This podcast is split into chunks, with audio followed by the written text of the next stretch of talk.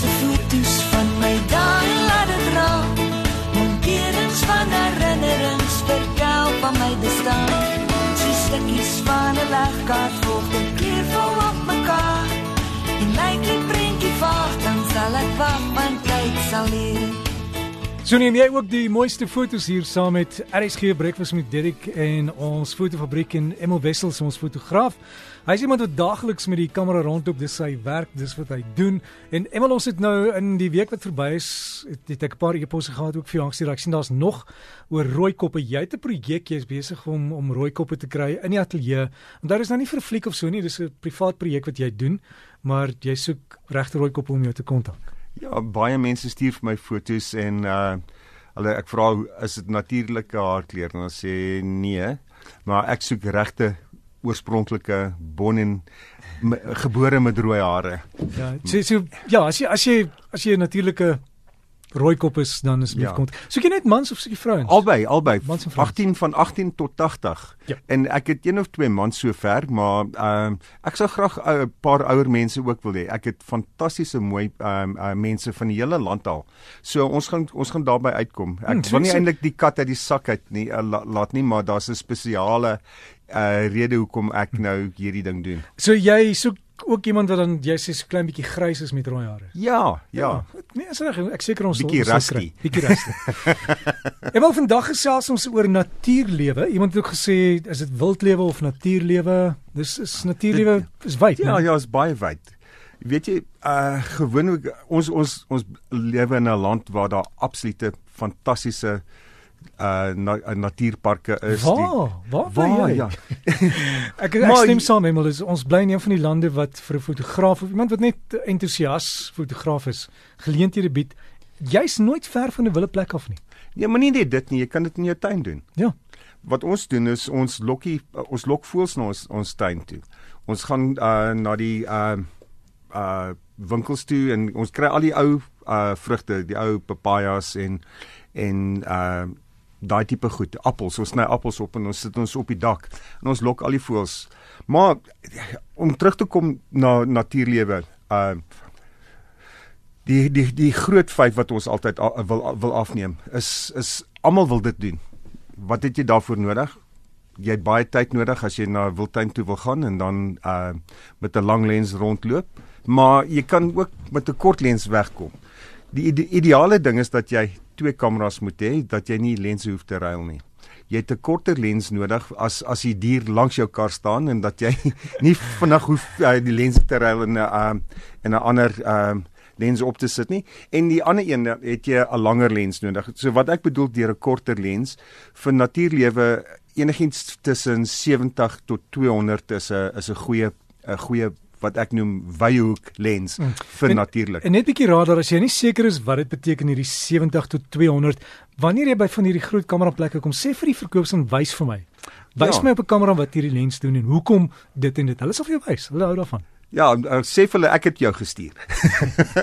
nee, en dan natuurlik is daar 'n um, uh, hele klomp uh, lense wat langer is, maar die ge mees gewildste is van 150 mm tot omtrent 500 of 600 mm. En hulle kos, né, is duur. Jy hoef nie altyd te gaan koop nie, jy kan hulle huur. Dit is 'n uh, dit is die die uh weet uh, daar's 'n paar maatskappye wat daai lense uh huur en jy jy hoef nie uh der duisende rande uit te haal om hulle te gaan koop nie. Die ander ding is dat jy altyd saam met jou vriende kan uitgaan en maak seker dat jy met 'n ryk ryk vriend gaan wat al die lense het, dan kan jy partykeer van sy lense gebruik. Nee.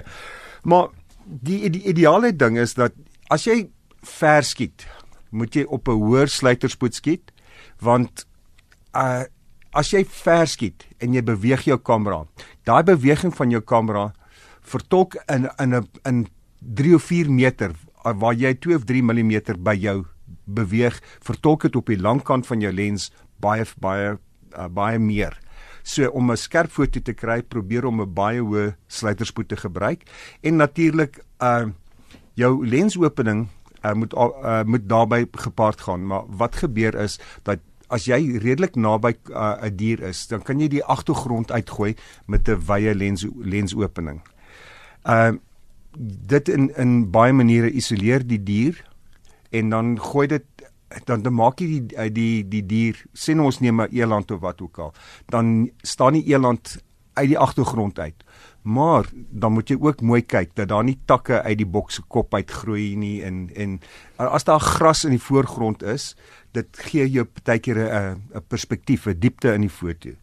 Ehm um, baie baie mense uh konsentreer net op die groot diere maar baie keer dan kyk jy daar's daar's 'n leeu daar maar jy sien nie uh, die hasie wat agter die agter die uh graspol wegkruip nie. En baie baie mense is uh, is dit net een visie hulle wil net 'n leeu sien of net 'n luiperd sien en dit. So daar's baie daar's baie goed wat die, wat mense in natuurlewe mis omdat hulle basies deur 'n sleutelgat net na een ding kyk. Jy moet uh, bewus wees van al die goed om jou. Ehm um, man jy om terug te kom, jy kan soos, soos ek sê daai fotos in jou tuin neem. Probeer om jy, om byvoorbeeld voels in dit na jou tuin te lok en dan ek het ek het 'n vriend met die naam van Eduard Reyneke.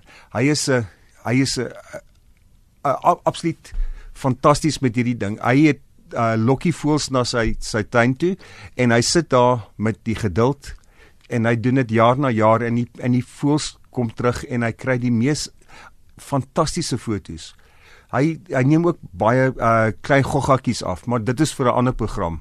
Maar as jy dink dat sekere tye van die dag as jy voels gaan lok, maak seker dat as dat jy 'n beligting uh rigting skep waar jy die voels gaan wees. As as jy drie beligting gaan doen, gaan dit nie altyd werk nie want uh jy verloor die kleur en en dit gaan silhouet wees. So kry uh uh beligting drie beligting is net jy beteken die die son is agter die voël en jy staan hierdie ja, kant so dan dan word dit 'n silhouet. Hy's net swart, jy sien niks ja, kleur nie.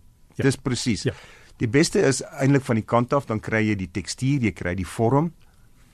Uh so dit is dit is die, die, die weet maar ook as jy na na na uh, na die wildtuin toe gaan. Uh mense sê die beste tyd is uh van sonsopkom tot omtrent so 9:30 en dan laat in die middag want anderste is die son baie hoog en dan kry jy 'n baie vaal kleur. So hoe laer die son, hoe meer uh mod modellering kry jy. Jy kry vorm en jy kry tekstuur in dit. Uh maar dit is dit is natuurlik uh nie om te sê dat jy nie die hele dag uh, kan foto's neem nie. Emel en dan kan mense ook vir ons die foto stuur. Ons het mos die face, Facebook groep wat net sê breakfast. Soek hom net daar onder jou as jy in Facebook is onder. Soek maar net breakfast jy sal sien ek staan so blou teempan met so groot kamera en dan kan jy net vir ons al die foto's gaan plaas. Dit is altyd lekker om die foto's te sien.